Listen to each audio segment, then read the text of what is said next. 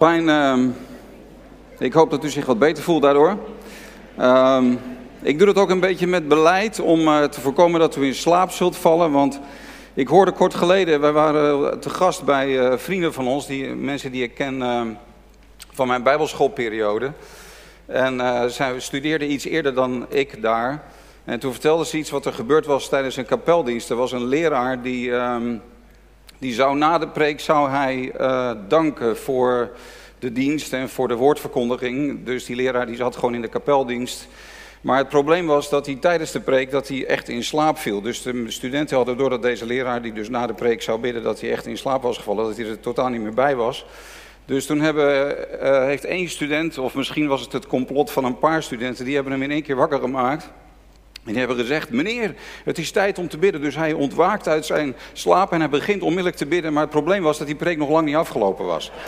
Dus, dus op die manier hebben ze hun leraar in de maling genomen. En hij, eh, hij begon ineens in het openbaar te bidden, terwijl de prediker nog lang niet klaar was. Maar ik hoop niet dat u in slaap zult vallen en dan is het goed dat even te gaan staan daarvoor. We gaan met elkaar lezen in Genesis hoofdstuk 12. Genesis hoofdstuk 12, vers 1 tot en met 3. En daarin lezen wij over Gods zegen. Dat God de hele wereld wil zegenen. En dat hij daar ook een plan voor had en een plan voor heeft. Dus lezen met elkaar in Genesis 12, vers 1 tot en met 3.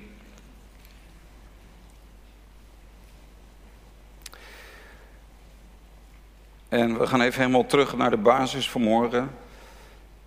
Uh, het begin van Israël, het begin van dat God een bijzonder volk ook eh, roept, formeert, kan je beter zeggen. De Heer nu zei tegen Abraham, gaat u uit uw land, uit uw familiekring en uit het huis van uw vader, naar het land dat ik u wijzen zal. En ik zal u tot een groot volk maken, u zegenen en uw naam groot maken en u zult tot een zegen zijn. En ik zal zegenen wie u zegenen en wie u vervloekt zal ik vervloeken. En in u zullen alle geslachten van de aardbodem gezegend worden. er zit ontzettend veel in deze versen, deze drie versen die ik nu heb gelezen. En ik wil proberen om een heel belangrijke les daaruit voor ons duidelijk te maken vanmorgen. Het gaat over dat God iets bijzonders begint hier bij Abraham. Hij roept hem uit het land waar hij woont. En hij zegt hem te gaan naar het land dat hij hem wijzen zal.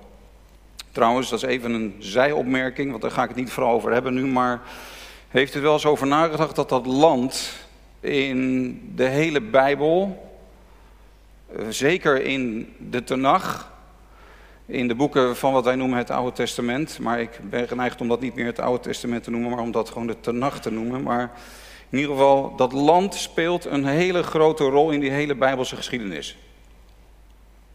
Dat land komt elke keer weer terug. Het gaat heel veel over dat land. Maar God zegt tegen Abraham: Ik zal je tot een groot volk maken. Er zal uit Abraham, uit het huwelijk met zijn vrouw Sarah, zal een groot volk gaan voortkomen. Dat uiteindelijk is dat met de geboorte van Isaac, wat helemaal niet meer kon, maar wat toch nog gebeurd is. Uiteindelijk is dat begonnen. Abraham, Isaac, Jacob, dat volk wat uit die lijn zou voortkomen Daarvan zegt de Heer, u zult tot een zegen zijn en alle volkeren, alle geslachten van de aardbodem zullen door jouw nageslacht gezegend worden. Dus het idee is dit, dat God een bijzonder volk gaat formeren. Hij schept dat volk, hij creëert dat volk, niet om een lievelingsvolk te hebben, niet omdat hij één volk wil zegenen ten koste van de rest van de wereld. Niet omdat hij alleen Israël wil zegenen. Nee, hij formeert dat volk omdat hij de hele wereld wil zegenen. Dus waarom Israël? Waarom Abraham, Isaac, Jacob, Israël? Waarom dit bijzondere volk? Omdat God houdt van de hele wereld. Omdat God houdt van alle mensen, van alle tijden en van alle plaatsen. Maar het idee is dat God een volk formeert dat een kanaal van zijn zegen zal worden voor de hele wereld. Een kanaal van zegen. En dat is vergelijkbaar met je oog. Je oog is een heel klein lid van je lichaam. We hebben twee ogen. Ik ben uh, vijf jaar geleden bijna mijn linkeroog verloren. Het zicht in mijn linkeroog. omdat ik een Netflix-loslating had. En ik heb ook uh, behoorlijke lange tijd slecht gezien met dat oog. Maar gelukkig zie ik weer perfect nu. Maar ik weet wel wat het is om ineens maar één oog te kunnen gebruiken. Wat een uh, beperking dat is. Ik heb ontdekt um, hoezeer je ogen een zegen zijn voor je hele leven. Je ogen zijn kleine, twee kleine leden van je lichaam, maar ze verlichten je hele lichaam.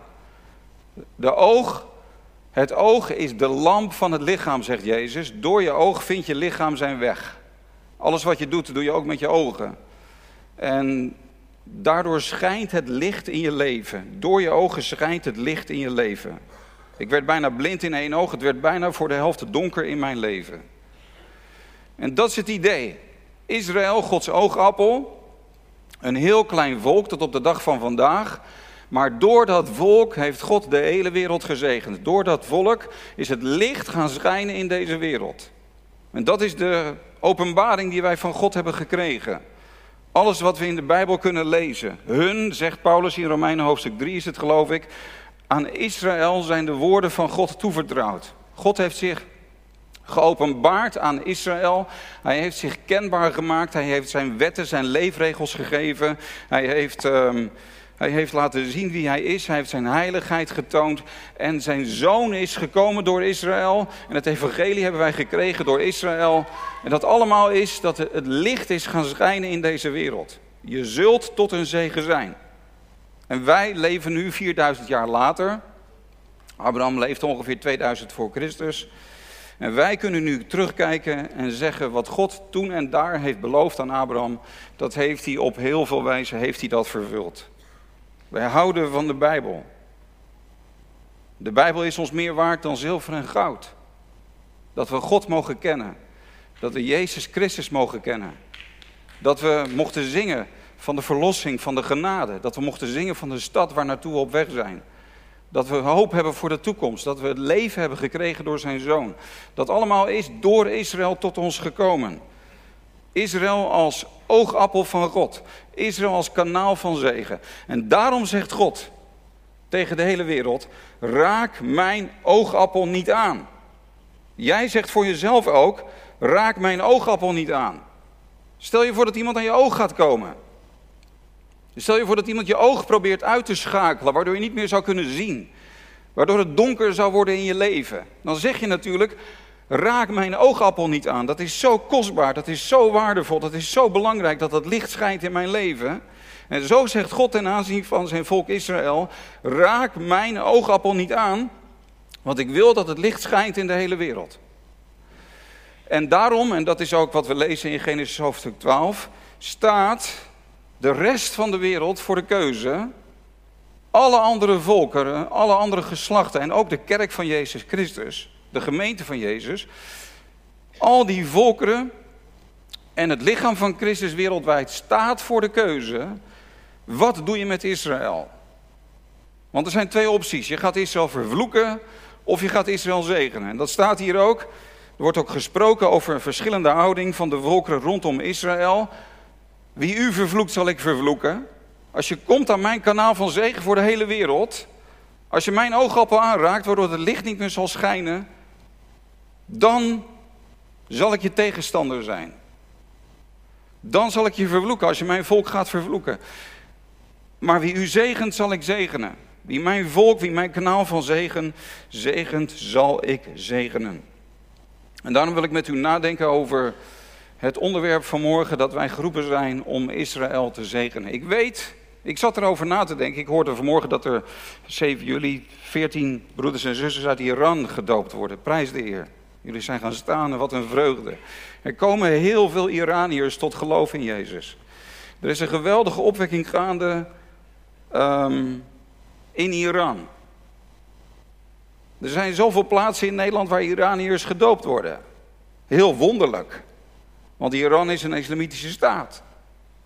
En er is geen land in de wereld wat zo tegen Israël is als Iran. Er is geen land in de wereld dat zoveel geweld blaast, dreigt, dat er openlijk voor uitkomt dat ze heel Israël willen vernietigen. Er is geen fundamentalistischer moslimland dan Iran. En als je mij vraagt, is er geen gevaarlijker staat in de wereld dan Iran in de tijd waarin wij nu leven. En dat betekent dat als je als Iranier tot geloof komt, dan ga je ineens lezen in de Bijbel en dan kom je overal Israël tegen.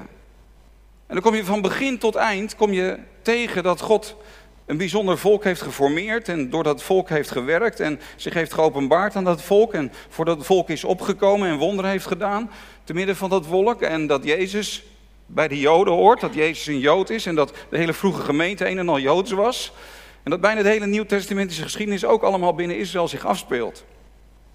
En dan is er spanning natuurlijk. En dat betekent dat als je als Iranier tot geloof in Jezus komt, dat je ook moet nadenken over hoe denk ik eigenlijk over Israël. En dat heeft een bepaalde paradigm shift is daar nodig, een bepaalde andere manier van denken. Want je komt uit een cultuur waar Israël alleen maar als de duivel gezien wordt. En dat is niet zo makkelijk. Maar ik ben ervan overtuigd, als ik denk aan de hele situatie in het Midden-Oosten, dat ook in het huidige, de, huidige, de huidige situatie waar we ons nu in bevinden, dat het beste wat de volkeren en de landen rondom Israël kunnen doen, het beste wat Syrië kan doen, en de verschillende Arabische stammen in Syrië, het beste wat Libanon zou kunnen doen, het beste wat Egypte zou kunnen doen en Jordanië en Irak en Iran en alle, alle stammen en volkeren die daar wonen. Het beste wat zij zouden kunnen doen is om te leren om Israël te zegenen.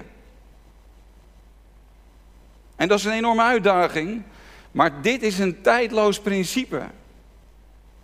Wie Israël zegent, zal gezegend worden. En wie Israël vervloekt, zal vervloekt worden. En ik zal u dat ook laten zien vanuit de Bijbel. En daarna nog vanuit een aantal voorbeelden van de meer recente tijd. Maar trouwens, nee, voordat ik dat ga doen, iets anders. Ik sprak net over de Iraniërs in ons midden. Maar eigenlijk voor ons als christenen is het net zo'n uitdaging. Want wij komen ook uit een heel anti-Joods anti-Joods sentiment. Wij komen uit een hele anti-Joodse achtergrond. Ik zal een paar kerkvaders voorlezen. Uh, een van de vroege kerkvaders was Johannes Chrysostomus. Hij had zijn naam te danken aan hoe goed hij kon spreken. Chrysostomus betekent gouden mond. Maar ten aanzien van het Joodse volk zei hij: De synagoge is erger dan een bordeel. Het is de plaats van ontmoeting voor de moordenaars van Christus. Ik haat de synagoge en ik haat de Joden. Een van de meest bekende kerkvaders van de kerk. Aurelius Augustinus leeft van 354 tot 430 na Christus. Hij heeft geschreven: Ik haat de vijanden van uw woord. Ik wilde dat u hen, de Joden, zou slaan met een tweesnijdend zwaard. Maarten Luther heeft geschreven: Wat zullen wij christenen doen met dit verdoemde en verstoten ras van Joden? Hun synagogen moeten in brand gestoken worden, hun gebedenboeken en talmud moeten van, moeten van hen afgenomen worden, opdat we verlost worden van deze ondraaglijke duivelse last, de Joden. En Johannes Calvijn, niemand minder dan Johannes Calvijn, heeft geschreven: hun verrotte onbuigzaamheid verdient dat ze altijd onderdrukt blijven en dat ze sterven in hun ellende zonder enig mededogen. Dus die Iraanse broeders en zusters uit ons midden komen uit een bepaalde achtergrond, maar wij als christenen komen ook uit een bepaalde achtergrond. Eigenlijk is het bijna precies hetzelfde. En dit is heel actueel. En ik geloof dat dit een uitdaging is voor ons allemaal. Want we leven in een tijd waarin het antisemitisme weer sterker wordt. Ik was afgelopen dinsdagmorgen in de Ridderzaal. We waren met iets meer dan 200 of 250 mensen bij elkaar. Met uh, Joodse leiders, opperrabijn van Nederland, rabbijn van Den Haag, andere rabbijnen. Met de ambassadeur van Israël in Nederland, met politieke leiders. Gert-Jan Zegers heeft gesproken, Kees van der Staaij heeft gesproken. Een minister of een staatssecretaris van de ChristenUnie was onze gastheer, want alleen dan mag je in de ridderzaal bij elkaar komen als, een, als iemand van het kabinet daartoe uitnodigt. En het is een wonder dat het gelukt is om op de plaats bij elkaar te zijn waar in 1940 Seys Inkwart zich geplaatst heeft. Seys Inkwart heeft zichzelf gemaakt tot vorst over Nederland namens Nazi-Duitsland in de ridderzaal.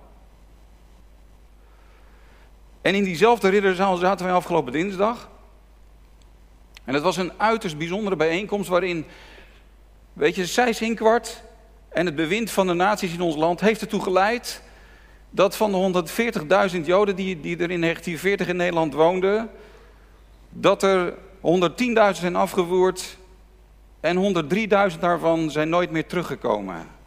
Drie kwart van de Joden in Nederland is in de Tweede Wereldoorlog afgevoerd naar de concentratiekampen en daar vermoord. Bijna alle Joodse gemeenten uit Nederland zijn verdwenen sinds de Tweede Wereldoorlog. En dat begon met Sijs kwart in de Ridderzaal, die daar heeft gezegd: vanaf dit moment ben ik degene die het voor het zeggen heeft in dit land. En dat heeft ertoe geleid dat zoveel Joden zijn vermoord. En wij zaten er afgelopen dinsdag. En we hebben gezegd: hierover moeten we ons verootmoedigen. En dit is des duivels geweest. En dit had nooit mogen gebeuren.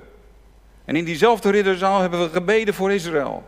En waren we als christelijke leiders en Joodse leiders bij elkaar. En hebben we naar elkaar geluisterd. Hebben we naar de rabbijnen geluisterd. Hebben we naar christelijke voorgangers geluisterd. Hebben we naar christenpolitici geluisterd. En met elkaar hebben we gezegd dat antisemitisme, wat nu hier zo sterk in opkomst is. Wat ten diepste een uiting is van haat jegens de God van Israël. Dat antisemitisme, dat mag niet. En dat is fout. En ook de kerk moet zich bekeren van de antisemitische wortels die het heeft. Van die vervangingsleer die zegt dat wij het geestelijke Israël zijn geworden. En ik geloof dat er in hemelse gewesten iets gebeurd is in die samenkomst op dinsdagmorgen. En dat, er iets, dat, er iets, dat het wezenlijk is wat daar gebeurd is op dat moment op die plek. Ook voor ons land en voor de kerk in ons land. Maar die keuze hebben wij allemaal. Hoe gaan we hiermee om? Wat zullen wij doen met Israël? Nou, laat me een paar voorbeelden geven vanuit de Bijbel. Um, Egypte. Het Egypte, de farao, die Jozef maakt tot onderkoning. De farao die wil luisteren naar deze jonge man, zoon van Jacob, en ziet dat hij een bepaalde wijsheid van God heeft gekregen, wordt door die farao aangesteld tot onderkoning. Daarna ontvangt hij de familie van Jozef in zijn land en hij geeft hen het land Gozen. En hij verwelkomt hen en zorgt dat ze in leven blijven. Kijk eens naar het farao van de tijd van Jozef. Hoe Egypte gezegend wordt. Egypte wordt rijker dan ooit. Egypte wordt machtig. Jozef is een ongelooflijke zegen voor Egypte. Het Egypte en de farao die het nageslacht van Abraham, Isaac en Jacob zegenen. Maar kijk eens 400 jaar later. De farao die datzelfde volk, wat inmiddels tot 2 miljoen is gegroeid, onderdrukt. En die hun tot slaven maakt. En die hen uitbuit. En die hun van hun vrijheid heeft beroofd. En die niet ze laat gaan als God zegt dat ze moeten gaan. Als, als God zegt laat mijn volk gaan. En hij doet het niet. En hij gedraagt zich als een antisemiet. Hij gedraagt zich als een jodenhater. En kijk eens wat er met zijn Egypte gebeurd is. Kijk eens wat er gebeurd is na de Exodus. Het land lag volkomen in puin. Door de tien plagen waar het land mee getroffen is. Een heel eenvoudig en een heel duidelijk voorbeeld. En die geschiedenis kennen we allemaal. Maar zie je de verbanden ook? Een ander voorbeeld dat ik wil geven is Perzië. Dan zijn we weer bij Iran. Jezaja 43. De mensen uit Iran die in ons midden zijn, die horen bij een volk dat heel veel ouder is dan het Nederlandse volk. De Iraniërs, dat zijn de Perzen. Ze spreken Farsi, van Perzisch. En het volk van de Perzen vinden we natuurlijk al lang in het Oude Testament. Een heel oud Bijbels volk ook. En dan lezen we dat er een bepaalde koning van Perzië is. Even kijken, wat is het ook weer? Jezaja 43. Een bepaalde koning van Perzië, dat is koning Kores. En koning Cyrus. Cyrus of Kores. En u weet wel, hij is goed voor Israël daarin dat hij na de ballingschap, als God zijn volk heeft getuchtigd en geoordeeld en het volk in de Babylonische ballingschap is gekomen en aan Babels stromen is terechtgekomen. En eerst wat, was dat, dat was het Babylonische Rijk nog, maar daarna, kort daarna kwamen de Mede en de Persen, kwamen de, het Perzische Rijk kwam aan de macht. In de tijd van Daniel was inderdaad eerst Nebuchadnezzar van de, van de Babyloniërs en daarna de Perzische koningen. Beltazar. En later is er Kores. En Kores geeft het volk weer gelegenheid om terug te keren naar het land. Hij is goed voor Israël. En dan lezen we in Jezaja 43 over die terugkeer naar het land. Dat de Heer tegen Israël zegt, wees niet bevreesd, ik heb u verlost. Ik heb u bij uw naam geroepen, u bent van mij. En u zult gaan door het water, ik zal bij u zijn en door rivieren, ze zullen niet overspoelen. En door het vuur zult u gaan, maar u zult niet verbranden. Want ik ben de Heer uw God, de Heilige van Israël. En dat is wat Heer tegen Israël zegt. Als ze zo terugkeren naar het land en een lange tocht moeten maken, dan zal God hun bewaren op die tocht. Ook als ze door hele moeilijke omstandigheden moeten gaan. En dan zegt de Heer dit. Ik heb Egypte als losgeld voor u gegeven. Kush en Seba in uw plaats. Sinds u kostbaar bent in mijn ogen, bent u verheerlijkt en heb ik u lief gehad. En daarom heb ik mensen gegeven in uw plaats. En volkeren in plaats van uw ziel. Wat is de betekenis hiervan? God heeft het rijk van de Mede en de Persen gezegend. Hij heeft het Perzische Rijk, hij heeft koning Kores gezegend daarin dat het rijk van koning Kores is uitgebreid met Kush, dat is de boven, het bovengebied van de Nijl, de Upper Nile region, waar de Nijl ontspringt, in Ethiopië, onder Egypte en Seba. En volkeren heeft hij gegeven in plaats van Israël. Met andere woorden, Kores liet Israël teruggaan en God heeft toegevoegd aan het rijk van de Mede en de Perzen. Hetzelfde principe. Maar we kennen ook een ander Perzië in de Bijbel. We kennen ook iets anders wat er is gebeurd in het rijk van de Persen, namelijk de geschiedenis van Esther en Haman. En daar zien we een man die ook bij de Persen hoorde en die opstond om het volk van de Joden te vervloeken. En die een plan bedacht om alle Joden in het hele rijk van de Persen uit te roeien. En dat is de hele geschiedenis van Esther. En als je dat boek leest, dan zie je dat daar weer precies het tegenovergestelde gebeurt. Dat Haman, die deze poging onderneemt, dat het keihard op zijn eigen hoofd terugkomt. En dat hij zelf ten onder gaat aan het plan wat hij heeft bedacht. Dat hij zelf aan de galg wordt gehangen die hij voor Mordechai had opgesteld. En de rollen keren zich totaal om. Het lot neemt een hele andere wending dan dat hij gedacht had. Want God is de heerser over het lot van mensen. En wie Israël vervloekt, zal vervloekt worden. En wie Israël zegent, zal gezegend worden. Het is een tijdloos principe. Als we dan kijken naar de moderne geschiedenis, dan zien we eigenlijk precies hetzelfde. Ik zat erover na te denken. Ik ben hier al wat langer mee bezig, dat weet u waarschijnlijk wel. En ik geloof dat het belangrijk is dat we deze boodschap horen. Ik ben trouwens een boek aan het lezen van Willem Ouweneel. Nou, Willem Ouweneel is de grootste intellectueel van Evangelisch Nederland. Ik ken er geen voorganger in Evangelisch Nederland vandaag de dag. Met zo'n geniaal geheugen, met zo'n ongelooflijk talent om, om uh, dingen op een rijtje te zetten, om de Bijbel te begrijpen en om de Bijbel te onderwijzen. Hij heeft 160 boeken geschreven. Ik ben nu een boek aan het, aan lezen van hem. Dat is een toevoeging aan zijn, aan zijn uh, dogmatische reeks. Hij heeft een hele dogmatiek geschreven. Hij is echt een theoloog van formaat, die ook echt serieus genomen wordt in de theologische wereld, ook in de protestantse reformatorische theologische wereld. En hij heeft een toevoeging geschreven, het dikste boek wat hij ooit heeft geschreven over Israël. Een Israël-theologie heeft hij geschreven. En ik ben het nu aan het doorworstelen. Ik heb er gisteren nog uren in zitten lezen. En ik vind het zo mooi dat hij ook uitkomt bij die landbelofte die we in de Bijbel zoveel tegenkomen. Die rol die dat land speelt. Die landbelofte gedaan aan het nageslacht van Abraham, Isaac en Jacob. Dat dat een eeuwigdurend verbond is dat God met Israël heeft gesloten.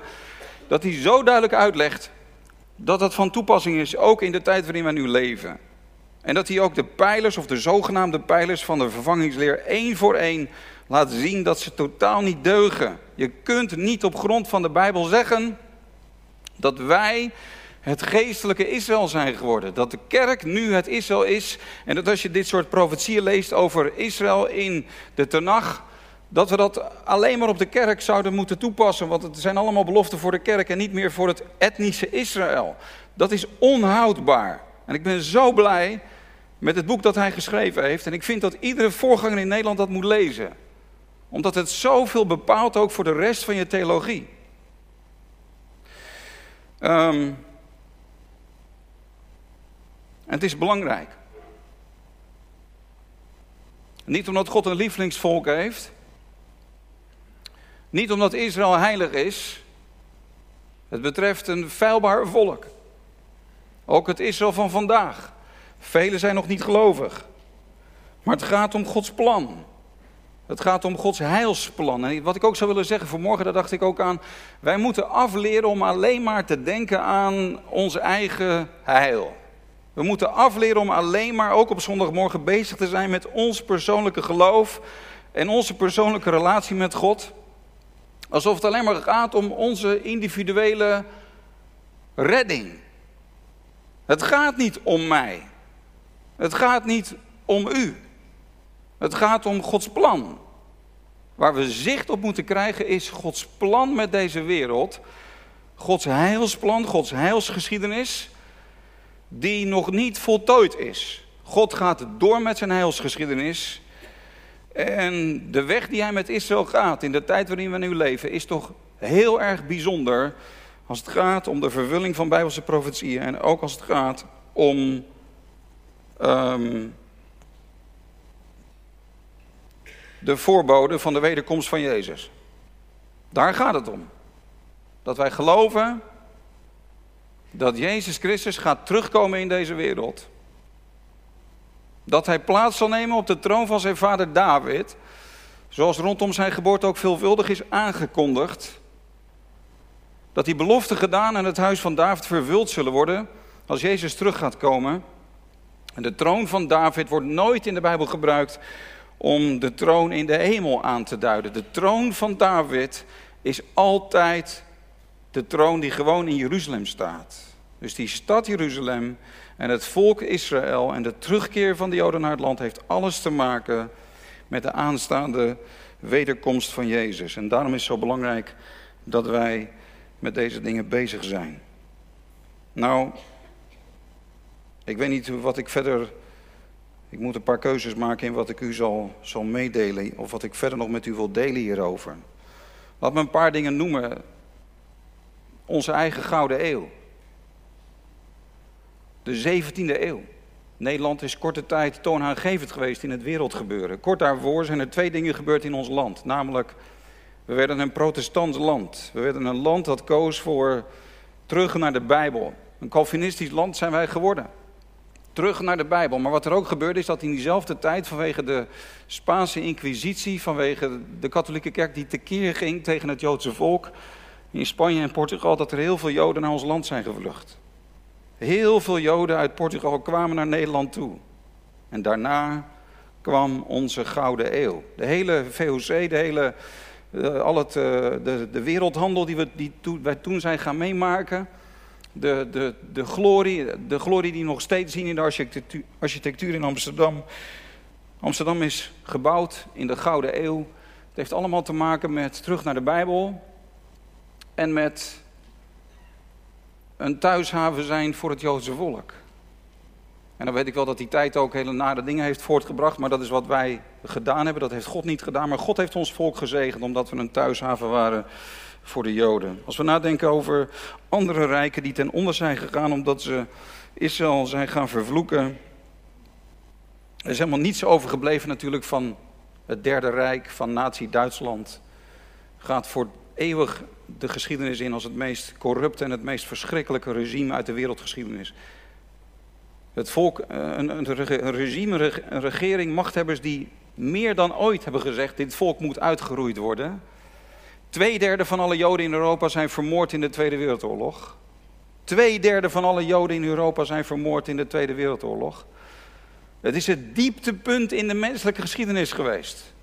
Absoluut het dieptepunt in de hele menselijke geschiedenis. Nooit eerder heeft er zo'n genocide plaatsgevonden als in de jaren 40, 45 van de vorige eeuw.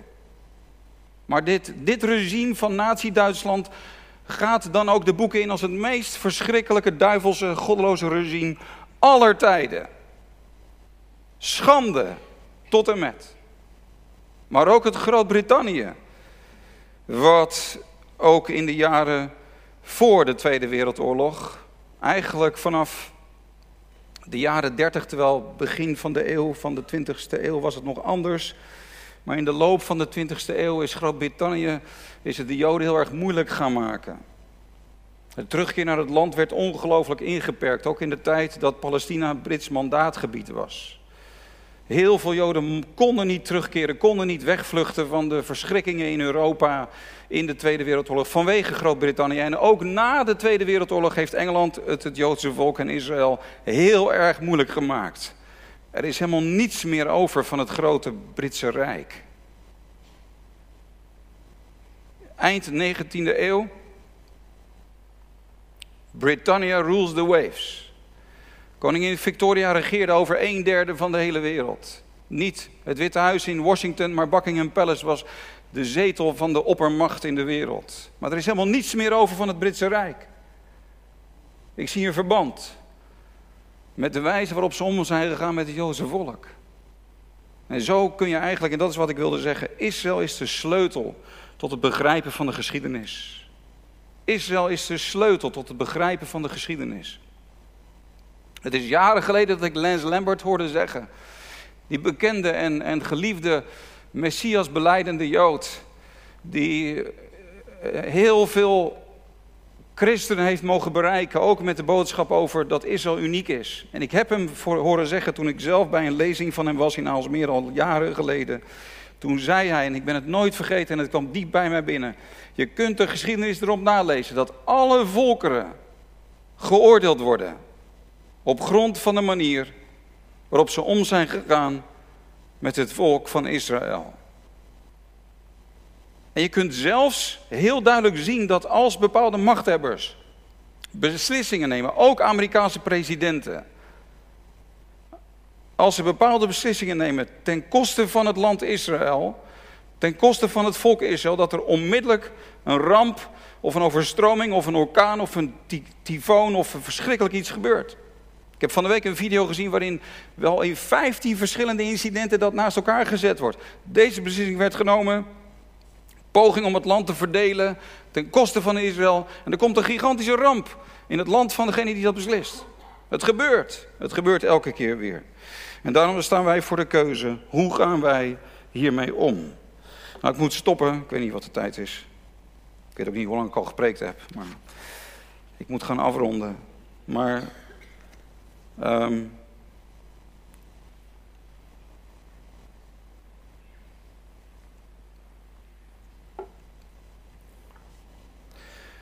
ik moest denken aan onze zuster Weltje de Boer.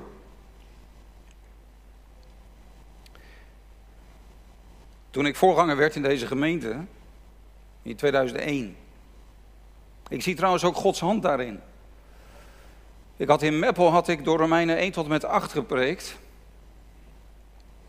Heel zorgvuldig had ik Romeinen 1 tot en met 8 bijbelverklarend doorgepreekt. En toen ik hier kwam had ik besloten om door te gaan in Romeinen 9 tot en met 11. En dat was al in het eerste jaar of het tweede jaar van mijn voorgangerschap in deze gemeente.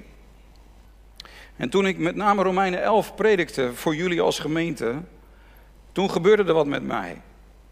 Toen gingen mijn ogen meer dan ooit open.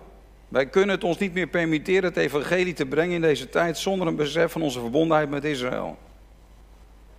En dat er bijzondere beloften op Israël rusten. En dat we in bijzondere tijden leven. En dat we ook moeten letten op de tekenen van de tijd. Dat we moeten letten op de tekenen van de tijd. Dat zegt Jezus ook. Let op de vijgenboom. Je ziet toch aan de natuur dat de zomer nabij is? Dan zie je ook aan de ontwikkelingen in de wereld hoe ver we zijn op Gods tijdklok met deze wereld. Er zijn tekenen van de tijd. En Israël is het meest duidelijke teken van de tijd waarin wij leven. En ik weet nog dat Welsje de Boer naar mij toe kwam en dat ze uiterst dankbaar was en verbaasd was ook dat ik deze hoofdstukken zo zorgvuldig doorpreekte. En dat begon in mijn eigen hart ook meer te leven. En u weet dat natuurlijk wel, dat zuster Weltje de Boer, dat zij veel bad voor Israël. En dat ze ook bad dat deze gemeente visie voor Israël zou krijgen. En ze was een sterke vrouw en ze was een vrouw van gebed en ze was vervuld met de geest. En ze werkte mee aan Stichting Boete en Verzoening, die al, uh, al 30 jaar lang in Nederland de graven van de Joodse begraafplaatsen opknapt. Want al die Joden zijn verdwenen. Bijna, of nou nee, dat is, verkeerd. Niet alle Joden zijn verdwenen, godzijdank. Maar wel de meeste Joden zijn er niet meer in ons land. Dus al die begraafplaatsen kunnen niet meer door hen onderhouden worden. En deze stichting zet zich in om die, om die begraafplaatsen, om die bij te houden, om ze op te knappen. En ik zal u zeggen dat, dat dit de Joodse gemeenschap in ons land ongelooflijk goed doet. Dat dit een ongelooflijk teken van verzoening is tussen christenen en joden. En dat ze daar heel erg dankbaar voor zijn. Eh, zuster Weltje de Boer die deed daarmee zo oud als ze was. Als een oude, uh, als een oude beschaafde dame. Als een erudite vrouw ging ze daar in haar werkkleding, ging ze die graven van de Joden ging ze opknappen. Maar weet je wat ze toen tegen mij zei? Ik ben dat nooit vergeten en ik zeg het vanmorgen weer tegen jullie. Ze zei, als wij willen dat de takken gaan groeien, wij als wilde takken die geënt zijn op die edelolijf, dan moeten we de wortel voeden. Als wij willen dat de gemeente van Jezus Christus levend is, dat de kracht van God in ons midden is, dat de kracht van Jezus aanwezig is in onze samenkomsten, dat we de krachten van de tijd die gaat komen, de krachten van de toekomende eeuw, dat is het koninkrijk, het Messiaanse koninkrijk dat in deze wereld gaat komen. Als we die krachten in ons midden willen ervaren. Als we verlangen naar geestelijke opwekking. Als we verlangen naar nieuw leven. Dat er echt dingen van God in ons midden gebeuren. Dan zei zuster Weltje de Boer. Dan moeten wij de wortel zegenen. En die wortel is Israël. Want wie Israël zegent, zal gezegend worden. En ik zie trouwens ook een verband, lieve mensen, en dan stop ik. Maar, want het heeft, ik, ik noem veel geschiedenis vanmorgen, maar wij zitten toch ook met de toestand van de kerk in ons land. Het is niet makkelijk om dominee te zijn. Het is niet makkelijk om geestelijk werker te zijn in ons land, want er zijn soms zo weinig vruchten. Zoveel kerken gaan dicht. Secularisatie gaat zo hard verder. Het secularisme is de afgod van onze tijd. Dat zei Rabijn Jacobs van de week nog. Er is echt iets aan de hand. Is onvoorstelbaar. Nederland was het Israël van het Westen. Amsterdam werd Mokum genoemd. Het Jeruzalem van het Westen. Omdat er zoveel Joden wonen en zo gezegend werd ook door de aanwezigheid van Joden. We, waren, we zijn uit de Reformatie voortgekomen als land. We hebben van oorsprong al vanaf de 16e eeuw Vanaf de tijd van de Reformatie heeft ons land zo duidelijk een joods-christelijke signatuur. Gebaseerd op de Bijbel, gebaseerd op de openbaring van God gegeven aan Israël. Maar het is ongekend dat in 50 jaar tijd, het is eigenlijk niet normaal, ook historisch gezien abnormaal dat een volk in zo'n korte tijd de hele joods-christelijke cultuur overboord gooit. In zo'n korte tijd afgodisch wordt heel afgodisch wordt. Seculier, humanistisch wordt. Zichzelf op de troon zet. De Bijbel moet weg uit het openbare leven. Al het christelijke wordt bestreden. En als je nog opkomt voor een bepaalde christelijke moraal, dan krijg je de wind van voren. Het is ongelooflijk wat er in ons land gebeurt. Zoveel afval van het geloof. Dat is de tijd waar wij in leven. De kerk gaat hardhollend achteruit. Maar Paulus zegt in Romeinen 11: als we niet in de goede tierenheid blijven, jegens Israël is de context. Als we niet in de goede tierenheid blijven, jegens Israël, zullen we afgehouden worden van de edele olijf. En als we ons beroemen ten opzichte van Israël, zal God ons niet sparen. Ik zie een verband tussen de achteruitgang van de kerk in ons land en het christelijke antisemitisme wat uiteindelijk geleid heeft tot een moord op driekwart van de Joden in ons land. En ook al ben je van ver na de oorlog geboren, het is nog maar heel kort geleden dat dit allemaal gebeurd is. Het is een geschiedenis waar wij niet aan voorbij kunnen gaan. Het is een geschiedenis waar we mee bezig moeten blijven. Het is tijd dat we ons bekeren. Het is tijd dat we ons verootmoedigen. Ik benoemde die bijeenkomst in de Ridderzaal afgelopen dinsdagmorgen. En nadien sprak ik Bert Doornbos even aan van Stichting Schreeuw om Leven, die er ook was. Bert is een hele aparte man. Ik ken hem al lang. Ik ken hem al vanaf mijn studententijd. En ik liep even naar hem toe om hem te groeten. En hij zegt, weet je, ik heb nu geluisterd naar die rabbijn uit Den Haag en dat was zo ontroerend. Dat was zo, dat was zo treffend. Ik, weet je wel, die vreselijke geschiedenis van wat er met de Joden gebeurd is in ons land. En hij zegt, ik heb genoeg meegekregen. Ik ga nu niet naar de rest van het programma. Ik ga nu naar huis. Want het gaat er niet om. We kunnen nog wel verder doorpraten en naar meer sprekers luisteren. En we kunnen nog wel meer doen. Maar we moeten er ook wat mee doen. Dus wat deed hij? Hij ging weg. Hij ging niet deelnemen aan de rest van het programma. Hij zegt, ik ga nu naar huis. Om me te verootmoedigen. En om te bidden. En om God te zoeken voor ons land. En ik vond dat treffend. Ik ging verder met het programma. We zijn nog twee dagen doorgegaan met elkaar. Allemaal hele bijzondere sprekers en bijeenkomsten en een gala-diner. Ga zo maar door. Maar Bert ging naar huis om te bidden. En ik, ik, weet je, we moeten er wat mee doen. Het gaat er niet om dat je een beetje hoort. En dat geldt eigenlijk voor elke zondagmorgen preek. Het gaat erom dat we er wat mee doen. En dan hoop ik dat je vanmorgen geïnspireerd bent om erover na te denken hoe jij en dat jullie als gemeente geïnspireerd zijn om erover na te denken hoe jullie Israël kunnen zegenen. Niet dat wij Joods moeten worden, dat is een heel ander verhaal. We gaan niet Joods worden, we zijn christenen, we zijn geen Joden. Maar we zijn wel geroepen om Israël te zegenen. En ik geloof dat als we dat leren, en ik eerlijk gezegd, ik ervaar het in mijn persoonlijke leven. Ik ervaar echt in mijn persoonlijke leven dat, dat er zoveel zegen is Zoveel kracht van God, zoveel wonderlijke dingen. Zoveel voorzienigheid. Ik word gezegend op heel veel manieren. Prijs de Heer. Maar het, het, is een principe. En ik hoop dat je geïnspireerd bent vanmorgen om je, voor jezelf over na te denken hoe wij Gods woord wat dit betreft serieus kunnen nemen. En ook onze Iraanse broeders en zusters. Ik kan me voorstellen dat dit best een moeilijke preek is voor onze Iraanse broeders en zusters. Maar ik hoop dat je wilt luisteren niet naar het woord van een man, maar dat je wilt luisteren naar wat de Bijbel leert over zijn volk Israël. En dat ook jullie gezegend zullen worden. En dat ook het huidige Iran tot bekering zal komen. En zal stoppen met Israël te vervloeken. Dat er andere tijden mogen gaan aanbreken. Halleluja. Laten we samen bidden.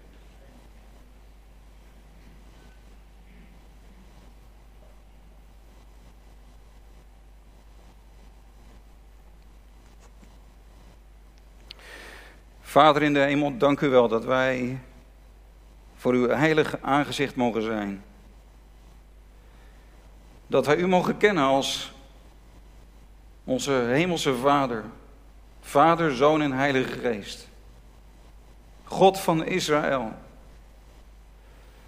Heer Jezus, wij aanbidden u, verzoener van onze zonden, de opstanding en het leven, de weg, de waarheid en het leven